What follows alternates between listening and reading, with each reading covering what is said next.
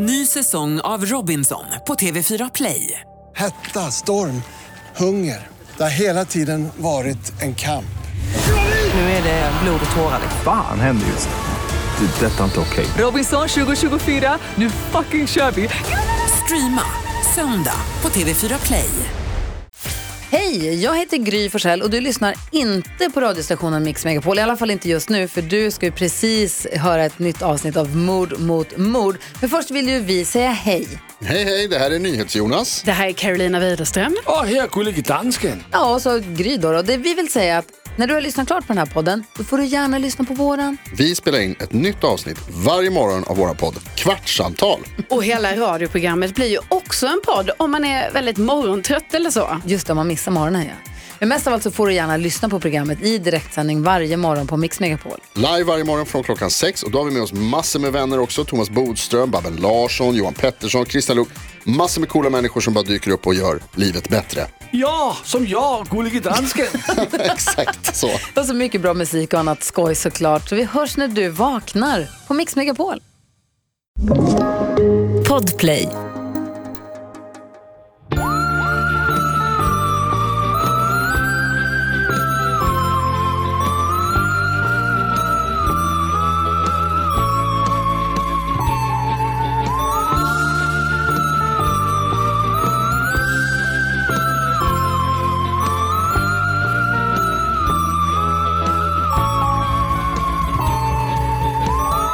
Hallå och välkomna till Mord mot mord. Är det första avsnittet på nya året? Det är det va? Ja, det är Jag skulle precis säga det. Välkomna till 2022 kanske vi ska börja med. Men alltså, är det vårt år? Det, det är vårt år. Jag hoppas det. Vet du vad jag hoppas, Karin?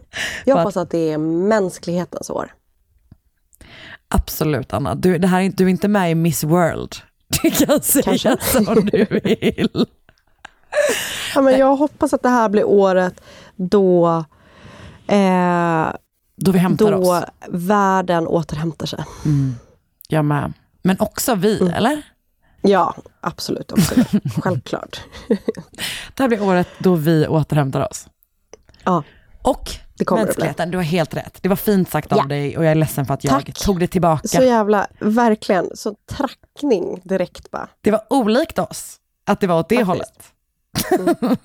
Du menar att jag är den som brukar vara elak? Eh, alltså inte elak, men det känns som att du hade kunnat säga, men också oss, snarare än tvärtom. Eller? Okej, jo kanske. Jag vet inte, jag det då. Men eh, alltså... Gott nytt år Karin, hur är gott läget? år. Alltså, det gör någonting med mig varje år. Att det blir Det gör det va? Ja. Har du liksom smakat på, på 2022, hur det ligger i munnen? 2022. Jag tycker typ Mm. att det är ganska snyggt. Vad tycker du? Jag tycker också det. Jag längtar tills det blir eh, 2222. Det kommer vara riktigt snyggt. Ja, just det. Och det Mm. 2222. Eller 2121 kommer vara snyggt också. Ja, men då har vi verkligen någonting att se fram emot. Så det gläder vi oss åt att få uppleva. Mitt nyårslöfte är att få uppleva 2121, eller vad det var jag skulle vara med på.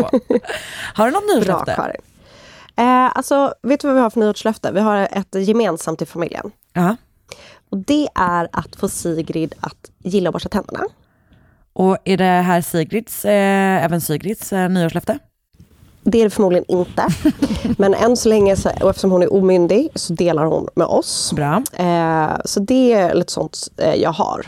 Liksom, så här, jag är inte så jättestor för det där med löften, för att jag håller dem aldrig. Nej. Ehm, alltså, Alltså- nyårslöften då. Löften till, till människor. Ja, Trohetslöften håller de aldrig. nej. Eh, men godislöften höll man ju aldrig till exempel. Nej. Det känns lite som ett sånt eh, nyårslöfte for kids. Typ. Men var inte godislöften egentligen bara liksom ett hack? Att det var ju så här, man fick pengarna, jag, jag fick aldrig det här. Alltså så. Men visst var det ändå så att det var, alltså, jag skulle ändå säga att det var standard att man smyg åt godis. Alltså att man liksom lärde sig att det går att ha kakan och äta den. Alltså jag, alltså det för mig, jag behövde knappt smygäta det. Utan det var typ att min pappa varje fredag, lördag glömde bort. Så gick vi gemensamt och köpte godis. Och sen så när det hade gått ett år så fick jag min slant. Så bra. Och så tog ni den och gick gemensamt och köpte godis. Men hallå, du sa till mig att vi hade ett gemensamt löfte. Så nu känner jag mig väldigt åsidosatt. Förlåt. Nej, men det här var ju, jag har inte kommit dit än. Nej, just det. Du Det hade, här var ju familjens gemensamma löfte. Nej, precis. Ah, okej. mm. Eh, du får gärna vara med på det här löftet också. Som vi hade Det här med Sigrid borstar tänderna. ja. Nej, och sen så har vi ett löfte att vi ska ses mer. För att 2021 var ju inte vårt fysiska år. Nej, men det låter lite... Snuskigt. Det är det inte. Det är det inte. 2022 ska vi ses fysiskt. Precis. Ja men det ska vi faktiskt. Det ska vi verkligen, verkligen. Och vet du vad, vi kan ju till exempel börja med att göra det den 6 februari när vi har livepodd i Göteborg och den 20 mars när vi har livepodd i Stockholm. Så underbart. Så Gud, alltså, underbart. det känns så snart nu när vi väl är på, över på den här sidan av året. Jag vet. Alltså det är verkligen det, för att det här tror jag är avsnitt 195 och i Göteborg gör vi vårt 200 avsnitt. Så jag måste... Nej. Jag tänker att vi... Nej. Jag fick världens ångestattack nu. Vad har vi gjort Karin? Jag vet, nu har vi gjort något dumt igen. Men vi har, tänker att alla kommer komma och vara jättesnälla och om man vill komma och vara jättesnäll så är det stauppbolaget.se mord mot mord. Där finns biljettlänkar.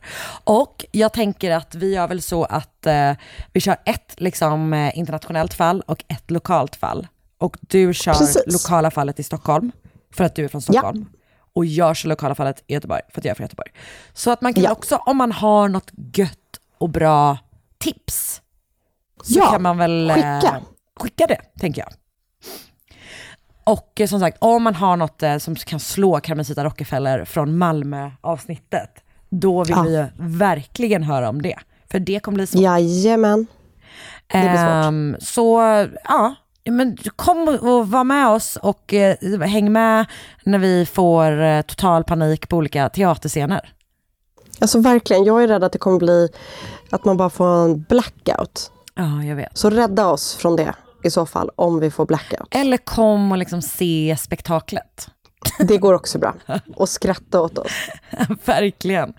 Ehm, men fan, vi kanske skulle ha sån sufflör. Kan det vara en grej? Ja, gärna. Det vore faktiskt ganska fett. Vem vill vi ha då? Någon som sitter i en liten sån där...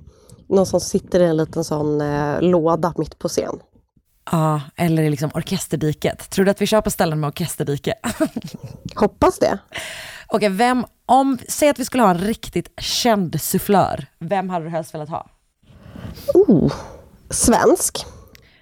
Gud, take it away. Gör din grej. Fast vänta. Det är ändå, den ska sufflera på svenska. Just det, det bör Så vara det, svensk. så det Eh, kan Helt vara rätt. bra om det är en svensk. Eh, Okej, eh, jag kommer köra på Rolf Lassgård. Ja, bra. Faktiskt väldigt, väldigt bra. Eller Det är hur? väl, ja, jättebra. Men det är väl ändå någon sån man vill ha, tänker jag. Mm. Eh, vad heter han som läser den här... ehm, ja, nej men Rolf, Rolf Lassgård. det Rolf Lassgård. Eller vet du, nu när du sa läser så slog du mig också, Stefan Sauk kan också få komma. Nej, Han har så behaglig röst. ja. Men... Ska Nej, han okej, stå okej. där och gorma backstage på efterfesten? Okej, Rolf Lassgård blir det. Rolf Lassgård blir det. Okej, men bra. Vi kör. Eh, jag skriver till honom i DMs på Instagram. Har Rolf Lassgård Perfekt. Instagram? Jag vet inte, det har han säkert. Vänta, om vi kanske, tror du Rolf, Rolf Lassgård finns på Memo? Och kan man i sådana fall köpa en sufflörtjänst? Ja, absolut. Jag tror att han gör det. Jag ska kolla om Rolf Lassgård finns på Instagram. Vi frågar honom. Jag vill hellre att han är där än på Memo. Ja, jag har hittat en, Rolf Lassgård har noll inlägg, noll följare, noll som följer. Kan det vara ändå? Kanske. Det är han. Det är han, jag tror att det är han. Rakt av. Jag, Garanterat. jag går in och skriver till honom nu. Ehm, Okej, vänta. Vad pratar vi om? Jo, att man ska, om man ska, att man ska komma på vår livepodd. Just det, just det, just 6 det. februari i Göteborg och 20 eh, mars, Mars. i Stockholm. Ja, dröm. Mycket bra. Och eh, något nytt? Har du sett något, hört något, gjort något? Eh, nej men jag kollade ju då klart på eh, Hunger Games som vi pratade om sist. Jag såg Mm. de två sista filmerna. Det var ändå värt det, skulle jag verkligen, verkligen vilja Ja, säga. bra. Eh, sen så eh, har jag sett, alltså det här är verkligen exakt mitt, min, min liksom, mitt eh, tillstånd just nu. Jag har sett eh, hela andra säsongen av Emily in Paris. Ja, jag med. Alltså, det är ju perfekt good bad tv. Absolut. Blir det mer mellan dagarna? Nej. Nej, det blir det inte. Alltså, Eh, det är så dåligt, men det är ändå så bra. Ja. Ja, det är otroligt faktiskt. Eh, men jag tror, jag har väl egentligen inte, har jag sett någonting som är riktigt bra? Det tror jag inte. Har du det? Jag började titta på en, den här um, Olivia Colman och han som spelar Lupin, som jag aldrig kommer ihåg vad han heter, Landscapers. Jag har sett två avsnitt. det. Finns var? Eh, HBO. Just det. Den är bra, tycker jag. Det har jag sett. Ja. Ehm, Hon är ju otrolig. ja. Och han med. Alltså Lupin var ju ändå lite en favoritkaraktär i Harry Potter, kan jag inte sticka under stol med. Ehm, och eh, speaking of så såg vi, inte färdigt, men den här eh, Return to Hogwarts efter 20 år. Eh, Just det, den här reunion-grejen. Eh, tyvärr jättedåligt. Eh, jag älskar ju böckerna, Harry Potter, filmerna, ja. Men alltså, det är för stelt att se Daniel Radcliffe. Eh, alltså det är bara I allmänhet, punkt. alltså punkt, verkligen. eh, så den bör man inte se. Däremot så såg jag en sån här mini... Det var länge sedan jag såg en sån här liksom, true crime dokumentär om en, om en, eh, om en mördare typ. Jag såg däremot The Times Square Killer. Just det, på Netflix. Mm. Ja, Eh, hur... och- eh, vad är det för eh, fall? Det är då, alltså han het, vill du veta vad han heter? Mm. Så vet jag det också nämligen. Han heter Cottingham och han kallas då för The Torso Killer. Just det, ja. Eh, och han då mördar sexarbetare både på runt, alltså precis i närheten av Times Square på Manhattan och eh, i New Jersey. Just det, just det. Och är det ett, är liksom en, en serie eller är det ett program? Det är en serie, jag tror att det var tre avsnitt. Eh, och det var jättelänge sedan jag såg någonting sånt för jag var liksom varit lite mätt på det. Men eh, jag visste ingenting om det här fallet och det var ju fruktansvärt. Och eh, liksom en, eh, en, en sån klassisk sån som är liksom ganska... Det är bra. Vara, det är bra att titta på liksom ibland. Eller bra Ja. att titta på ibland, det var inte så jag menade. Men det, det, det var bra. Det var en bra serie. Det är bra. Nu kom jag på att jag har sett, jag har sett en sak. Mm. Jag har sett den här, eh, vad heter den nu då? En kunglig affär. Ja, ah, den har inte jag sett än. Vad var den bra? Ja, vi... Eh, den handlar om Haijby-affären. Mm. Det är ju väldigt intressant. Den har fått ganska mycket kritik för att den Mm. har liksom...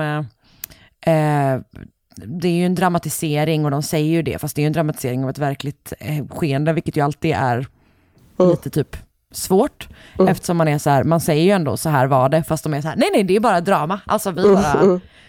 Ja, sådär. Ehm, vi um, råkade hoppa över ett avsnitt. och var så imponerade över typ att man bara, wow, vad liksom fräscht av SVT att de så här, du vet, inte visar allt som händer, utan att man typ får förstå lite själv. Nej, nej, det var bara att vi hade missat ett helt avsnitt. Vi bara, ja, så de typ kommer inte ens påtala typ att han har skilt sig, eller du vet sådär. Ja. Och man bara, eh, gud, ändå liksom piggt. Det kändes som ett bra grepp. Men sen var det då bara att vi hade missat ett av fyra avsnitt. Men eh, det är ju intressant. Ja.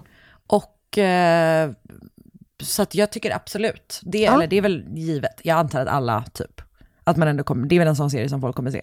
antar Jag, jag. jag, jag kommer se den. Jag har inte sett den än för Oscar var inte så intresserad. Men jag kommer att ta mig an den själv.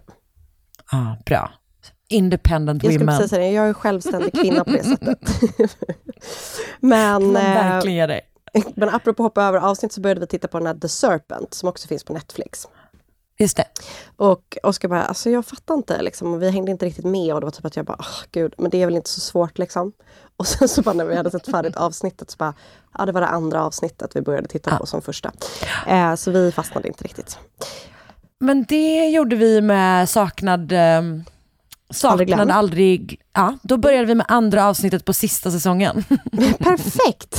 Fattar du? Ja, vi bara wow, gud, alltså, det kändes också fräscht. Men det är, är det inte lite så kejsarens, eh, kejsarens nya kläder-stämning? Att man liksom vill inte säga så här, jag fattar ingenting, I'm too Nej. stupid. Absolut Så så. därför försöker man mer få det att kännas som ett grepp. Liksom. Verkligen. Eh, man är smartare än vad skaparna är. För att man, liksom har, man har genomskådat vad det är de försöker göra. Ja, verkligen. Verkligen så.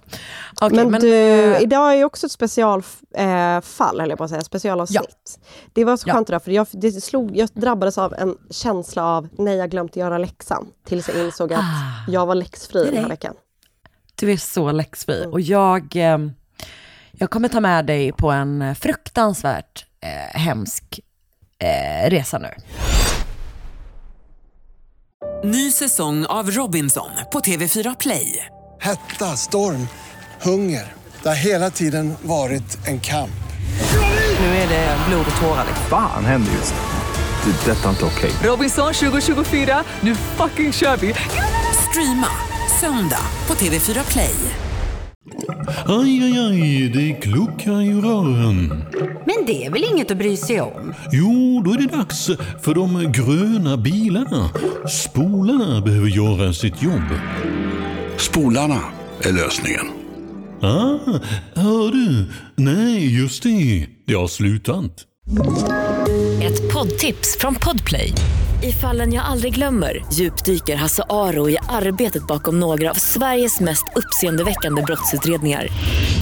Går vi in med hemlig telefonavlyssning och, och då upplever vi att vi får en total förändring av hans beteende. Vad är det som händer nu? Vem är det som läcker? Och så säger han att jag är kriminell, jag har varit kriminell i hela mitt liv men att mörda ett barn, där går min gräns. Nya säsongen av Fallen jag aldrig glömmer på Podplay.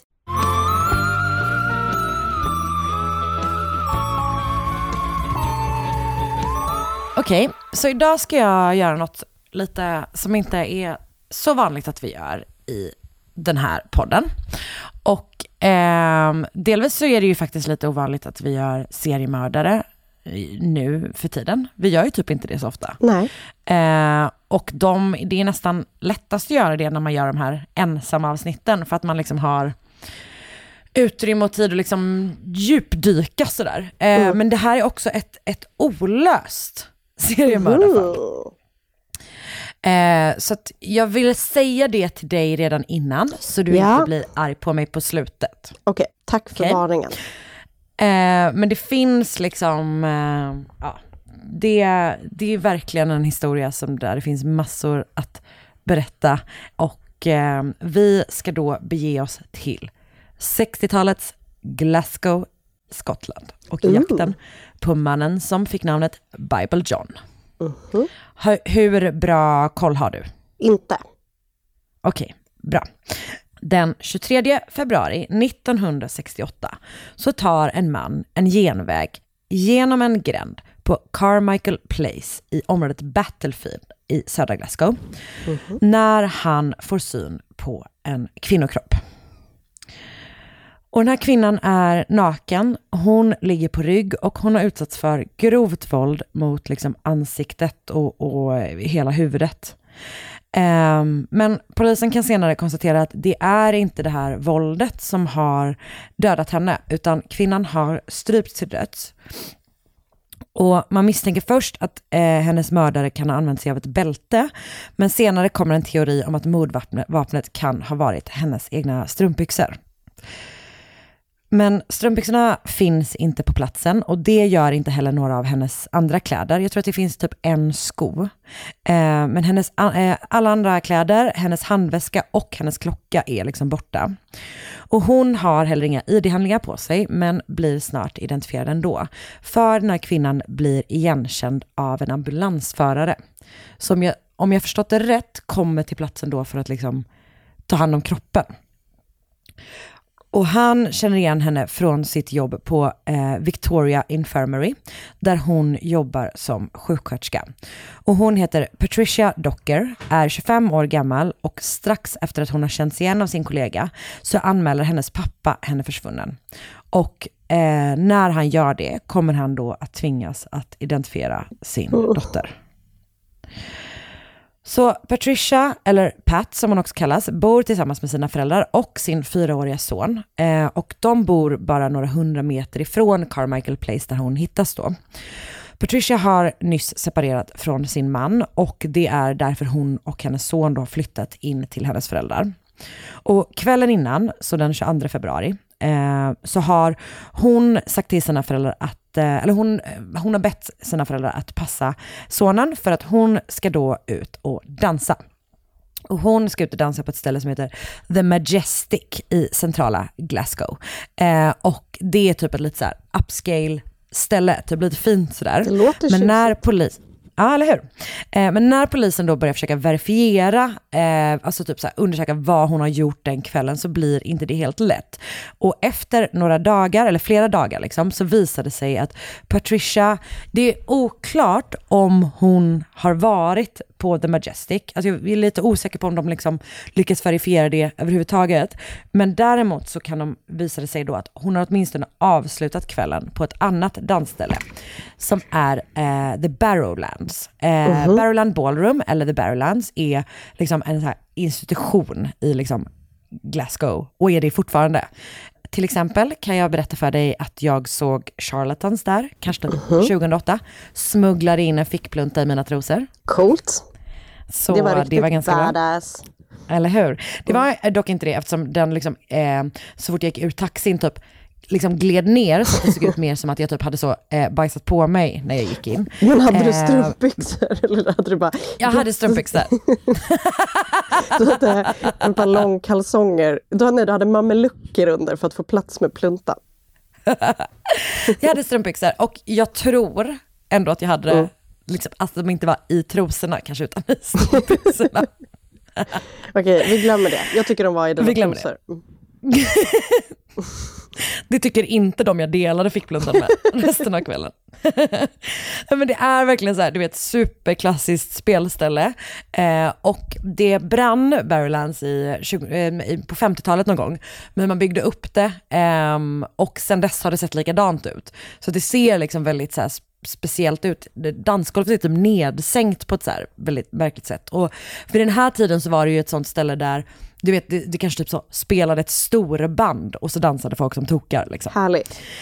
Och det finns kanske då en anledning att Patricia inte har berättat för sina föräldrar att hon planerade att gå just till Barrowlands, för att det har liksom mycket sämre rykte än vad The Majestic hade.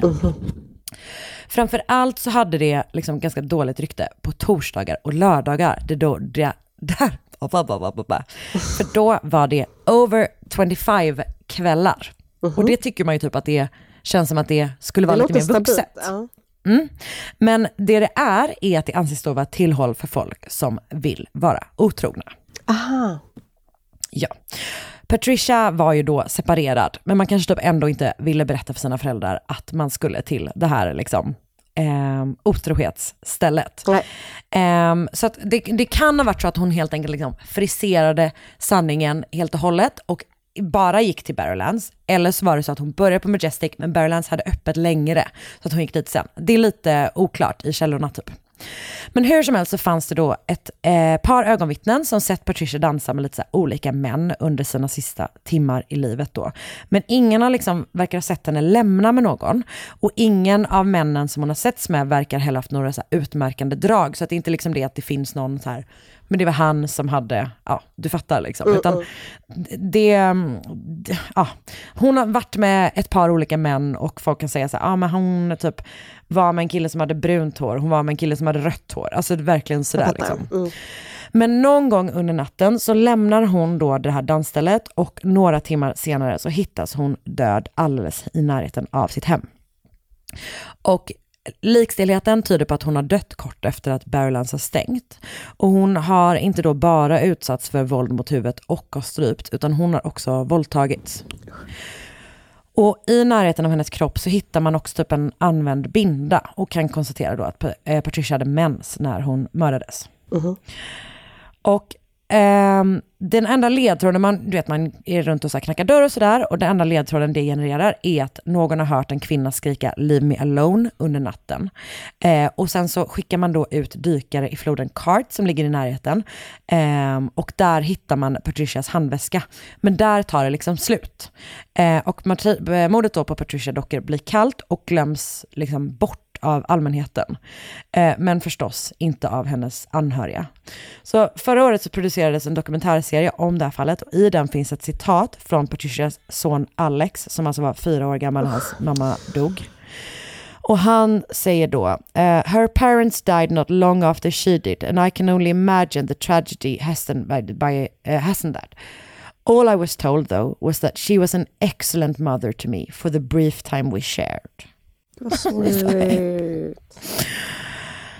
Och Jemima McDonald kallas Maima av sina nära och hon är mamma till tre barn. Hennes äldsta är en flicka och sen har hon två yngre pojkar och hon är liksom en väldigt hängiven mamma.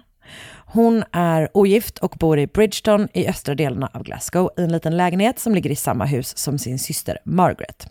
Och det är också Margaret som ska passa Maimas tre barn när hon den 16 augusti 1969, så vi är alltså, innan så pratade vi om februari 68, nu är vi augusti 69, så det har gått ganska lång tid emellan liksom. Hon ska i alla fall då, 16 augusti 1969, ut och dansa på Barrowlands. Och hon har på sig en svart klänning, en vit blus med du vet så krås på bröstet som liksom sån 60-tals Mm, eh, s- stuk. Eh, en brun kappa och ett par gräddfärgade högklackade skor. När hon beger sig till Bettys bar som ligger mitt emot Barrowlands för att liksom inleda kvällen.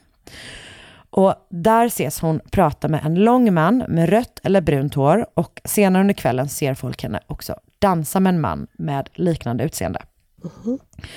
Och han beskrivs som att han var liksom välklädd, nästan ovanligt välklädd för liksom Barrowlands-publiken. Och han var ingen stammis där, eller så. Det är inte liksom, han är ingen sån regular som folk känner igen. Typ. Nej. Han beskrivs som att han är mellan 25 och 35 år gammal och pratar med Glasgow-accent. Och paret har liksom, alltså Maima och den här mannen har också setts utanför Barrowlands och liksom har, eh, det finns flera vittnen som har sett dem gå därifrån på liksom olika ställen på väg, alltså i riktning mot Maimas lägenhet. Och det, så att det finns liksom sightings av de två utanför på, på den vägen liksom. Och morgonen efter ehm, så knackar Margaret på hos sin syster, men det är då ingen som öppnar. Och hon bestämmer sig, för hon bara så här, hon är nog bakis så hon får typ sova några timmar till. Eh, så här. så att jag kommer tillbaka om ett tag. Eh, men tiden går och eh, hon knackar på igen och det är fortfarande ingen som öppnar. Och det är inte likt eh, henne att liksom lämna sina barn så här länge, åtminstone inte du vet, utan att man har kommit överens om att Margaret ska passa dem under en längre tid. Det har aldrig hänt innan typ. Men hon tänker ändå så här, hon kanske typ har gått hem med en kille. Det fanns lite så här bland du vet, kompisarna och hennes familj att de hade någon idé om att hon kanske typ dejtade någon, att hon hade börjat träffa någon. Så att Margaret bestämmer sig för att vänta till måndagen, in, måndag, måndagen innan hon liksom blir orolig på riktigt. Men eh, hon börjar höra rykten i kvarteret om att några barn har sett en kropp i Nej. ett övergivet hus som ligger liksom precis i närheten. Och det här övergivna huset är typ ett så här, barn typ leker där på, det här är ett ganska liksom, tufft område typ. Barn leker i det här huset på dagarna eh, och på kvällarna så är det kanske typ ett så här ställe där folk som inte har något hem söker skydd, men det är också ett sånt ställe där typ sexarbetare kanske tar med kunder och sådär. Och, och det är då några barn som börjar prata om, att, om, om liksom the body typ i det här huset. Mhm. Och hon börjar liksom oroa sig för det värsta och morgon, måndag morgon så bestämmer hon sig för att själv gå dit och se efter. Och där hittade hon då sin syster. Fy. Och Jemima ligger liksom med ansiktet neråt och hon är påklädd förutom att hennes skor och strumpbyxor ligger liksom bredvid henne. Hennes underkläder är sönderrivna. Och hon har utsatts för grovt våld mot ansikte och huvud, eh, men dödsorsaken är strypning. Mordvapnet är hennes strumpbyxor. Hon har utsatts för sexuellt våld och bredvid henne ligger en binda för att hon hade också mens när hon mördades. Hennes handväska är borta eh, och man tror att hon dog ungefär 30 timmar innan hon hittades. Och det är då strax efter liksom att Barrowlands har stängt, eller natten, natten liksom. Och när man gör dörr, dörrknackningar i området så visar det sig att en granne har hört en kvinna skrika natten till söndagen, men kan inte svara på liksom när under natten det var typ. Och sista gången någon har sett eh, Jemima i liv är, var vi 21. ehm, och då var hon tillsammans med en lång man, liksom, som också Mm. stämmer överens med det här, de här vittnesmålen från Barrowlands. Så att polisen får fram liksom ganska många bra vittnesuppgifter från andra som har varit och dansat den här kvällen. För att man typ veckan efter att Jemima mördats så eh, går polisen till Barrylands och liksom eh, bandet typ får avbryta sin spelning och sen så säger man från scenen vad man typ att det här har hänt och att man letar efter någon som kan ha sett henne. Eh, och man lovar också då att om man träder fram så kommer man få vara anonym. Just för att det då har det här ryktet om att det är ett ställe dit folk går och är otrogna. Mm. Och man vill liksom inte att det ska då förhindra att folk träder fram med information typ. Eh, Så att man får alla de här beskrivningarna av den här långa, unga, välklädda mannen som Maima sätts dansa med och då lämna stället med. Och man bestämmer sig då för att göra något som man aldrig har gjort tidigare i skotsk kriminalhistoria. Man ska göra en liksom fantombild. Och det de gör då är att de ber en konstnär, eh, J.W. Lennox Patterson, som är Deputy Director på Glasgow School of Art. Eh, man ber den personen att, liksom må- att, att måla fantombilden utifrån de här vittnesuppgifterna. Och man börjar då sprida den här bilden liksom via media och sådär. Och det är allra, först, allra första gången det görs överhuvudtaget. Och det finns liksom någon tanke om att så här, hur ska man kunna identifiera någon om den här bilden har cirkulerat? Alltså det finns en sån eh, liksom, eh, rättsliga funderingar kring det. Man bestämmer sig ändå för att man vill göra det. Liksom. Och sen så placerar man ut civilklädda poliser som liksom är på Barrylands eh, under de här kvällarna. Och man har också en kvinnlig polis som man liksom klär i typ samma Hon kläder. är decoy, eller vad heter det? Nej, ja, nej, men det hon gör är att hon alltså, man sätter på henne samma eh, kläder eller liknande kläder som Maima hade på sig den kvällen och sen går hon samma promenad som hon gick. För att man hoppas då att det ska liksom sätta igång minnen hos folk typ. Okej, aha. Okay. Eh, men man har också kvinnor ut, alltså man har både manliga och kvinnliga poliser som är på, liksom, eh, Mm, är på Barrylands typ. Eh, men ingenting händer då. För, och först tio veckor efter att Maima hittats död så kopplar polisen officiellt hennes mord till mordet på Patricia, som ju är typ nästan ett och ett halvt år tidigare. Mm. Och det får då förstås jättemycket uppmärksamhet. Men trots det, och trots att det finns så många vittnen, så stannar liksom utredningen återigen av. Och man hamnar i ett läge där man typ tvingas vänta på att gärningsmannen ska slå till igen. Och den här gången kommer det då inte dröja sådär lång tid igen, utan nästa gång det sker är bara två och en halv månad senare. Ny säsong av Robinson på TV4 Play. Hetta, storm, hunger. Det har hela tiden varit en kamp. Nu är det blod och tårar. Fan händer just. Det. är Detta är inte okej. Robinson 2024, nu fucking kör vi! Streama söndag på TV4 Play. Aj, aj, aj, det kluckar i rören.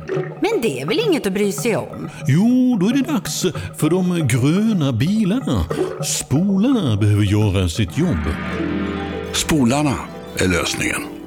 Ah, hör du? Nej, just det. Det har slutat. Ett poddtips från Podplay. I fallen jag aldrig glömmer djupdyker Hasse Aro i arbetet bakom några av Sveriges mest uppseendeväckande brottsutredningar. Går vi in med hemlig telefonavlyssning och, och då upplever vi att vi får en total förändring av hans beteende. Vad är det som händer nu? Vem är det som läcker? Och så säger han att jag är kriminell, jag har varit kriminell i hela mitt liv men att mörda ett barn, där går min gräns. Nya säsongen av Fallen jag aldrig glömmer på Podplay.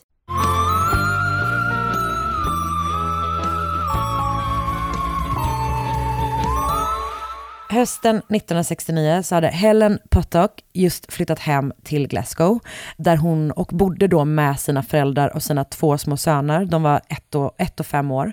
Och de bodde i Scottstown i västra Glasgow. Och hennes man George, eh, han var i militären och de hade tillsammans bott utomlands, jag tror att de hade bott i Tyskland, på grund av hans jobb. Och olika källor säger olika saker. Antingen så flyttade hela familjen hem till Glasgow igen, eller så flyttade hon och barnen hem till Glasgow igen för att hon inte ville bo utomlands mer. Men de är fortfarande gifta, liksom. det, är inte, det, är, det är inte så att de har separerat eller någonting, utan de är, de är gifta. Eh, och vid den här tiden, alltså nu är vi den 30 oktober 1969, så är George i Glasgow, oavsett liksom om han bor där eller inte. Okej. Så att de är eh, som sagt hemma hos hennes föräldrar. Och eh, Helen säger då till George att hon vill gå ut och dansa med sin syster Jean, eller Jeannie som hon kallas. Och George tycker typ inte, han tycker inte att det är lämpligt för en gift kvinna att gå ut och dansa. Nej. Men Helen och Jean säger att så här, det här är någonting vi alltid brukade göra när vi bodde här båda två och vi vill göra det. Ehm, och till slut då så eh, verkar det som att eh, han går med på det. Och, eh, men han har ett villkor och det villkoret är att de ska åka taxi hem från Barrowlands i slutet av kvällen. För att han vill inte att de ska åka buss typ. Så han ger Helen typ en sedel som, som hon ska kunna betala taxin med. Och sen så ger sig så systrarna av tillsammans. Och Helen är eh, iklädd en svart ärmlös klänning, bruna strumpbyxor, en fuskpäls, svarta skor och så har hon med sig en röd handväska. Och på Barrowlands så träffar systrarna varsin danspartner. När de under kvällen sammanstrålar så skrattar de åt att båda två påstår att de heter John. Så Helens John är lång och känns liksom ovanligt sofistikerad för att vara på Barrowlands. Han är välklädd och eh, han är liksom väldigt så självsäker typ. Jeannie säger att enda, eller enda gången hon liksom upplever att han tvekar kring någonting är när han ska presentera sig. Eh, då tycker hon typ att han agerar lite konstigt. Och eh, varken Jeannie eller Helen tror att någon av, de här, någon av de här männen ger sina riktiga namn. Nej. Men de tror att de inte gör det för att de misstänker att de är gifta.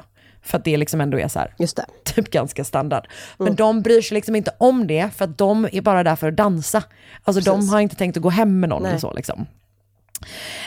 Så Genies John, han säger att han bor i Castle Milk, och därför kommer jag kalla honom för Castle Milk John. Och han är takläggare. Och vad Helens John gör är inte lika tydligt. Han, verkar, han typ pratar om att han kanske jobbar på något labb, men han är lite så här undflyende typ.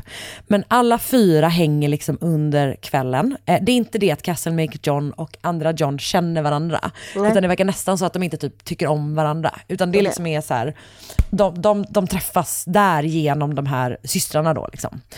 Så att, men de hänger liksom alla fyra och vid något tillfälle så går de för att köpa cigaretter i en automat. Eh, men, och det är Jeannie som lägger in i sina pengar, men automaten bara typ tar hennes pengar och hon får inte ut några sick. Och då blir eh, Helens John jättearg och får då managern på Barrylands att lova att om Jean kommer dit dagen efter, alltså när de har tömt maskinen, så ska hon få tillbaka sin peng.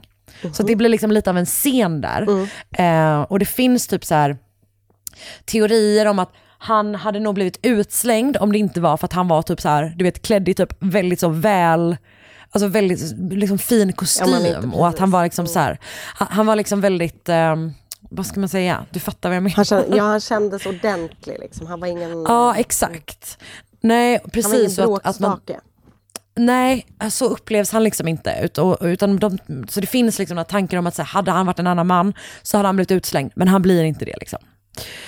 Så framåt stängning så hämtar alla fyra sina jackor i garderoben samtidigt och sen börjar de liksom promenera mot centrum tillsammans. Eh, Castle Milk John kommer att lämna gruppen för att han ska gå, gå till George Square för att ta bussen hem till Castle Milk, för där bor han. Och då bestämmer sig Jeannie, Helen och den andra John för att dela en taxi. Så de hoppar in i bilen och där upplever Jeannie då att Johns beteende förändras. Hon tycker att det känns som att han anser att så här, den här känslan, han anser att hon är i vägen för hans Uff. raggande på hennes syster. Alltså man har ju ändå, man, man känner igen känslan. Absolut. man har varit där. Ehm, nej men, så, men hon tycker då också att han, liksom, hon börjar uppfatta honom som lätt obehaglig, att han är liksom ganska irriterad, han är typ dryg liksom. Och här har man också varit. Hon försöker liksom lätta upp stämningen och jobba sig igenom den här stela sociala situationen genom typ så ställa massa frågor till honom. Såklart. Mm. Och han berättar då bland annat att han har uppfostrats i ett väldigt religiöst hem och att han därför inte dricker. Eh, och att hans pappa kallar ställen som Barrowlands för omoraliska tillhåll. Och eh, han, jag vet inte om han säger att hans pappa tycker det eller om han själv tycker det, men att alla kvinnor som går dit är typ otrogna. Och han typ pratar om hur Bibeln menar att man då ska straffa den typen av kvinnor typ. Så du har ju supertrevligt liksom, Verkligen. late night discussion. De pratar om nyårsafton. Och han säger att I don't drink on Hogmanay, I pray. Och Hogmanay är då skotska ordet för nyårsafton. Eh, och eh, han citerar eller hänvisar till Bibeln vid flera tillfällen. Men hinner också med att berätta att han har en kusin som har gjort en hole-in-one på en golfbana. Okej. Så att det känns verkligen som att hon kämpar på med de här frågorna typ. Verkligen. Efter 20 minuter i taxin så har de kommit fram till Jeans hem. Och det, de bor liksom åt samma håll och jag vet inte riktigt jag vet inte riktigt kring, vad, liksom, hur diskussionerna kring bor, alltså går kring att han också bor åt det hållet eller du vet hur det hänger ihop riktigt. Men hur som helst så blir det så att hon hoppar ur först och sen åker Helen och John vidare mot Helens hem då. Och George har då suttit uppe och väntat på Helen. Men när hon inte kommit hem vid tvåtiden har han till slut somnat. Alltså jag får Ja. sån jävla ångest. Alltså bara den känslan. Det är ju hemskt att sitta hemma och vänta på någon Nej, det är- nu, ja. när man typ kan smsa. Nej. Tänk dig ju bara sitta där, alltså det är sån brr, Man vill ju ge sig ut och leta direkt. Ja. Ja, ja, ja, verkligen. Men han är då hemma med deras liksom, två barn där då. Så att han vaknar dagen efter, inser att hon fortfarande inte kommit hem. Och när han går till fönstret så ser han en polisbil stå, alltså den står liksom mitt emot typ deras hus. Och han beskriver det som att han direkt förstår att så här, något är fel typ. Så han går då ut till poliserna och frågar vad som har hänt och får då höra att en man som rastat sin hund på morgonen hittat en mördad kvinna. Nej. Och eh, George berättar då att hans fru inte har kommit hem och polisen frågar vad hans fru hade på sig när hon gick hemifrån. Och snart inser de då att de har identifierat sitt mordoffer. Helen är delvis avklädd när hon hittas och precis som Maima och Patricia har hennes ansikte och huvud utsatts för grovt våld. Hon har våldtagits och strypts med sina strumpbyxor. Hon hade också mens och hennes binda har liksom nästan, alltså vet nästan så här placerad typ, eh, precis vid hennes ena arm typ. Och innehållet i hennes handväska är liksom så här spritt runt hennes kropp, men själva väskan saknas. Mm alla de sakerna är ju liksom lika hur det har sett ut tidigare. Eh, men det finns några saker som då skiljer det här mordet från de andra. Ett är att det, det ser ut som att Helen har eh, alltså, kämpat mot sin, åh det är sin Mm. liksom, eh, gärningsman där. För att hon har så gräsfläckar på typ sina fötter och skor. Eh, som att hon har liksom försökt komma iväg typ. Och man tror också att hon har typ, det finns liksom som en gräsbank precis i det Ja. liksom området där hon hittas. Så man tror att hon har försökt klättra upp där. Det är så jävla hemskt. Eh, fan. och hon har också ett bitmärke på kroppen. Enligt vissa källor är det på benet, andra källor är det på armen. Men hon har i alla fall ett bitmärke liksom. Mm. Och man hittar också sperma på strumpbyxorna. Men det här är liksom långt innan DNA-tekniken är ordentligt utvecklad och det gör att man då inte liksom tar hand om det här eh, bevismaterialet på strumpbyxorna Nej. på liksom ett sätt som man kanske hade gjort idag för att bevara det, utan man bara lägger dem typ i samma bevisskåp som allting annat. Liksom. Mm. Så det gör ju då att det här, alltså DNA-provet, kvaliteten på det blir bara sämre och sämre eh, genom åren som går. Typ. Mm. Men det sjuka med det här är ju också då att det finns ju ett vittne som liksom har, alltså inte bara umgåtts med den här personen hela, alltså jättemycket under kvällen, utan också åkt i taxi med honom. Ja. Och liksom eh, pratat med honom hur mycket som helst. Alltså hur liksom, självgod är den här gärningsmannen? Mm. Alltså det är verkligen helt, eh, helt absurt typ. Mm. Ehm, och hon beskriver då honom som lång och smal med rödaktigt kort och välklippt hår. Ehm, mellan 25 och 30 år gammal. Han har ett liksom lite ovanligt bett typ. Alltså hans, det är som att hans framtänder är lite så eh, över, alltså han, hans ena framtand går liksom lite, lite över den andra typ. Mm. Och han har då sagt att han, alltså han har antingen sagt att han hette John Templeton, John Sempleson eller John Emerson. Han röker Embassy-cigaretter och har då välskräddad kostym. Och när Jeannie får se fantombilden som har tagits fram efter mordet på Jemima så säger hon så här, det där är extremt likt. Liksom. Det där är han typ. Hon är typ liksom em, fascinerad över hur likt det här är typ. Och en man som matchar beskrivningen ses också gå på en buss vid tvåtiden samma natt som Helen mördas. Och han har också liksom så här fläckar av typ lera och gräs på sin kostym. Och han har typ ett rött märke i ansiktet och verkar dessutom sakna en man- manschettknapp. Eh, och man har hittat en manschettknapp vid, alltså i närheten av Helens kropp. Typ. Men han går då av den här nattbussen och går mot färjan vid, över, som går över Clyde-floden och sen är han spårlöst försvunnen. Nej. Det här är ju en tid när liksom, eh, hela Storbritannien inte var övervakat av CCTV som det är Nej, idag. tyvärr. Eh, ja, också, det är ju liksom helt absurt hur mycket de övervakar. Mm. Eh, men just i det här fallet så önskar man att man hade kunnat få någon jävla bild på det här Mm. jävla aset. Efter mordet på Helen och Jeannies vittnesmål om samtalet i taxin, taxin så döper media mördaren till Bible John. Och jakten på honom blir då en av de största i Skottlands historia.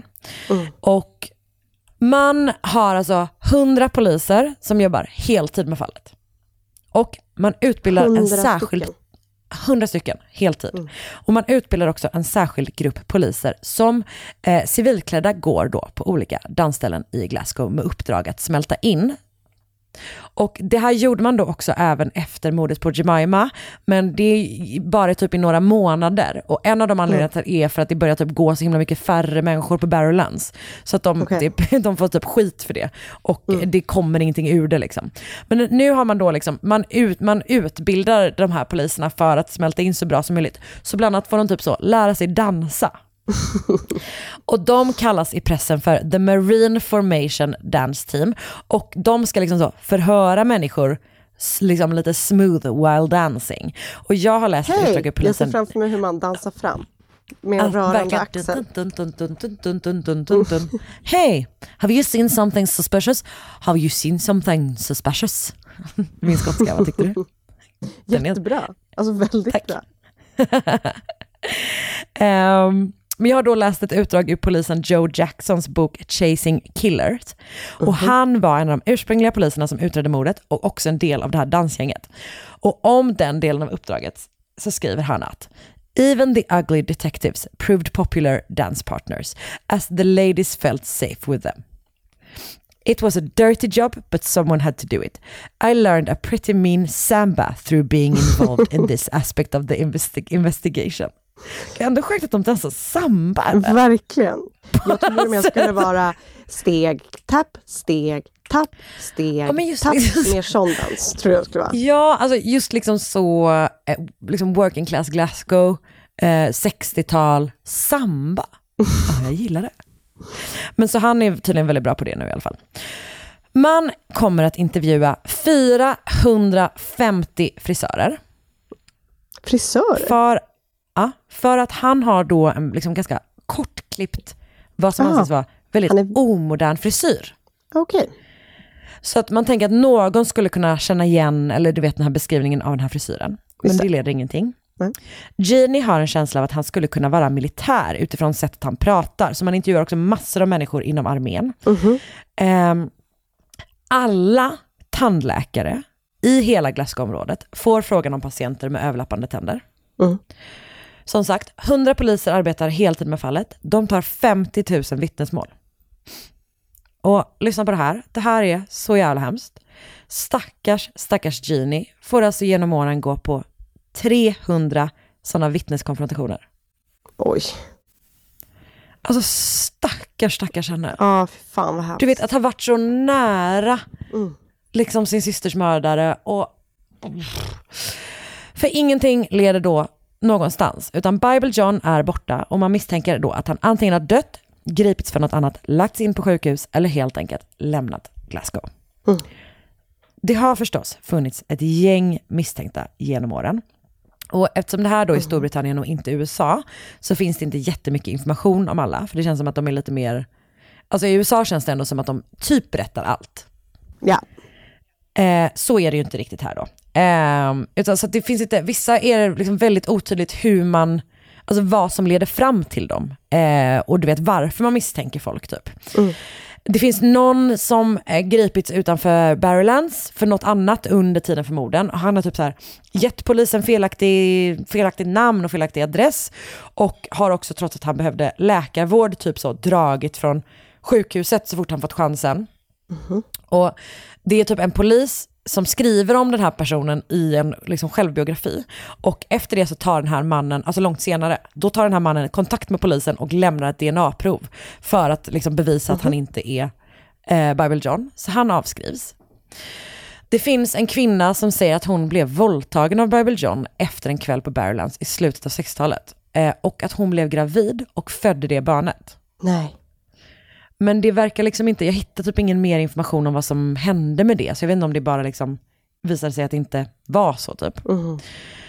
Men 1980 så begick en man som heter John Irvine Mac- McInnes självmord genom att, det här är jätteobehagligt, eh, Mhm. genom att alltså han skar upp en artär i armhålan. Alltså en jättestor artär. På ett sätt som liksom gjorde att han så blödde ut på minuter. Det finns typ teorier om att så här, folk är så här, det här är liksom en thrill-seeking person som liksom försöker Okej. sig på någonting ända in i döden typ. Jag vet inte så. Han, Vad var det han försökte sig på? Ja men alltså typ någon slags sån, att dö på ett spektakulärt sätt. Jaha, typ. du menar så. Alltså det fanns någon sån psykologisk teori liksom. Ehm, hans kusin var Bible John misstänkt under den inledande utredningen och jag vet inte om det fanns någon sån familje-DNA-lead där eller någonting. Men hur som helst så blir han misstänkt. Ehm, men han blir misstänkt först 1996, alltså 16 år efter att han har dött. Och han är ändå så pass intressant att de gräver upp hans kropp för att ta DNA-prov. Men snart säger man då att det finns liksom otillräckliga bevis för att John McInnes eh, skulle vara Bible John. Och i juli 1996 så går man ut med att han är friad från alla misstankar. Det finns en annan misstänkt som många ser som en mycket, mycket möjlig gärningsman. Och det är då den dömda skotska seriemördaren Peter Tobin. Kommer du ihåg honom? Eh, han dömdes ju då första gången 1994 för en våldsam attack på två 14-åriga flickor i Hampshire. Alltså han typ, han trodde nog att de var döda liksom. Eh, men de överlevde och eh, han dömdes då och satt inne till 2004. Och då kom han ut och återvände till alltså efter några år, till sin hemstad Glasgow. Där mördade han den 23 år gamla polska studenten Angelica Kluk och begravde henne under golvet i den kyrkan där de båda två arbetade. Och hon jobbade då som städerska där för att betala för sina studier och såg sista gången i liv i Peter Tobins sällskap. Och under utredningen av det mordet så hittar man också två skelett begravda i trädgården till ett hus i Margate där Pet- Peter bodde på 90-talet. Och de visar sig tillhöra 15-åriga Vicky Hamilton som försvann när hon väntade på bussen hem till Reading i Skottland 10 februari 1991 och Dinah eh, McNichol som var en 18-åring från Essex som försvann efter att hon och hennes kompis lyftat med en man från en festival i Hampshire. Eh, och sen har hennes kompis släppts av först och Dina har då åkt vidare med den här Mm. mannen och det var sista gången hon sågs vid liv. Vilket ju är typ också väldigt likt vad som hände Mm, Eh, i, alltså Helen där liksom. Och Peter Tobin döms då för de här morden 2007 och 2009 och han sitter då dömd på livstid. Och han var över 40 år när han begick morden 1991, 1991 och det finns teorier om att han måste ha mördat tidigare. Eh, då, delvis då för att de tycker, man tycker att det känns otroligt att han ska ha börjat så sent i livet och dessutom så var alla de här tre morden ändå liksom väldigt så väl genomtänkta typ. Att man tänker att det, in, alltså att det här, det, var inte, det var, borde inte varit hans första mord. Liksom. Och Peter Tobin är från Glasgow, träffade sin första fru på Barrowlands 1969. Nej. Och han var också då fruktansvärd mot henne, precis som han var mot alla sina andra fruar. Och var liksom extremt våldsam. Ehm, och ägnade sig åt psykisk, fysisk och sexuell misshandel, alltså konstant liksom. Ehm, alla tre av hans fruar har också liksom påstått att hans våld påverkats av- då av den kvinnliga menscykeln. Vad det innebär vet inte jag riktigt. Men hur kunde Eh. han veta det? Alltså det här är väldigt konstigt, för att det, det finns typ så teorier om att, eh, om att du vet att han kanske så här tänkte ha sex med de här kvinnorna, men blev avvisade för att de hade mens. Det är så himla svårt att se att de här kvinnorna, eh, eller så varför skulle de ens ha hamnat, varför skulle de ha tänkt så här, ah, men jag, varför skulle Helen ha tänkt så här, Nej. eh, vi, vi, vi kan ha sex här ute, utanför min mans hus. Eller förstår du vad jag menar? Nej. Typ? Jag tycker att det känns så himla, himla otroligt typ. Eh, och det känns också som att så här, han, det är ju ingenting man bara berättar sådär. Eh, och det är uppenbarligen inte som att han kan veta, Eh, det är jättekonstigt. Och finns det fler personer som han har, du vet, bara typ legat med, eh, för att de inte hade, alltså det, är- det, är liksom, det, det är bara en jättekonstig detalj tycker jag. Alltså jag får inte ihop det typ. Ehm, just för att alla, liksom, ja, det är fruktansvärt konstigt. Ehm, och jag tycker typ inte att det, som sagt, det finns liksom ingen rimlig förklaring på Nej. det typ. Och jag vet heller som sagt inte vad det inne, vad de menar med det här, liksom att han har, alltså att hans våld, att han har blivit våldsam av att de har haft män. Nej, jag vet inte. Liksom. Nej, okej. Mm.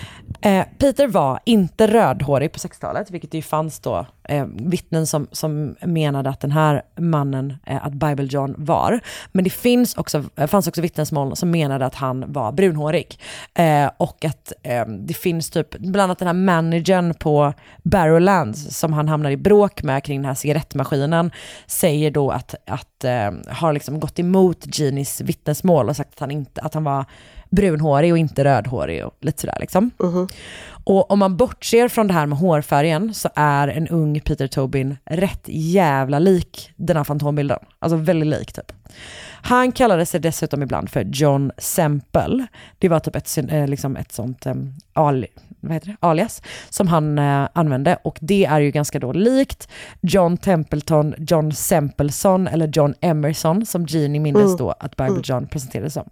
Sempelson tycker jag var ett uppfriskande... Sempleson. Vad tycker du att det låter? Jag vet inte, det bara känns... Det kanske är för att du sa först Templeton och sen Sempelson så känns det Just som... det, det låter som att man har, det låter som ett talfel. Ja. Verkligen, 100%. Eh, det finns också tydligen eh, vittnesmål om att eh, han har pratat om att han haft en kusin som har gjort en hole-in-one. Gud, det glömde jag berätta. Att de även under utredningen åkte till golfbanor och typ visade upp bilder på honom och pratade om så här, han kanske, har ni sett någon som var med en kille som såg ut så här och Ah, okej. den han var med gjorde en hole-in-one? Det gav inte heller någonting. Alltså de körde verkligen alla leads åt alla håll och kanter. Ehm, men hans första fru menar att han inte kunnat begå Bible John-morden eftersom de redan hade flyttat till Brighton innan mordet på Jemima, alltså det andra mordet. För de gifte sig den 6 augusti, vilket alltså var tio dagar innan hon mördades. Och hans fru säger då också att han definitivt var med henne den 16 augusti eftersom de var på sin honeymoon då. Och man har inte heller kunnat binda honom till morden alltså med teknisk bevisning, varken genom DNA eller tandavtryck från bitmärket på Helen. Och det verkar bero på, alltså snar, det verkar som att det kanske beror på hur man har hanterat de bevisen från början. Okej. Ehm, snarare än att han typ har avförts helt och hållet, som jag förstått det. Det kan också vara så att Peter Tobin har begått några av Bible Johns mord och att andra begicks av någon annan gärningsman. För det finns en del poliser som menar att man var för snabb med att koppla ihop fallen.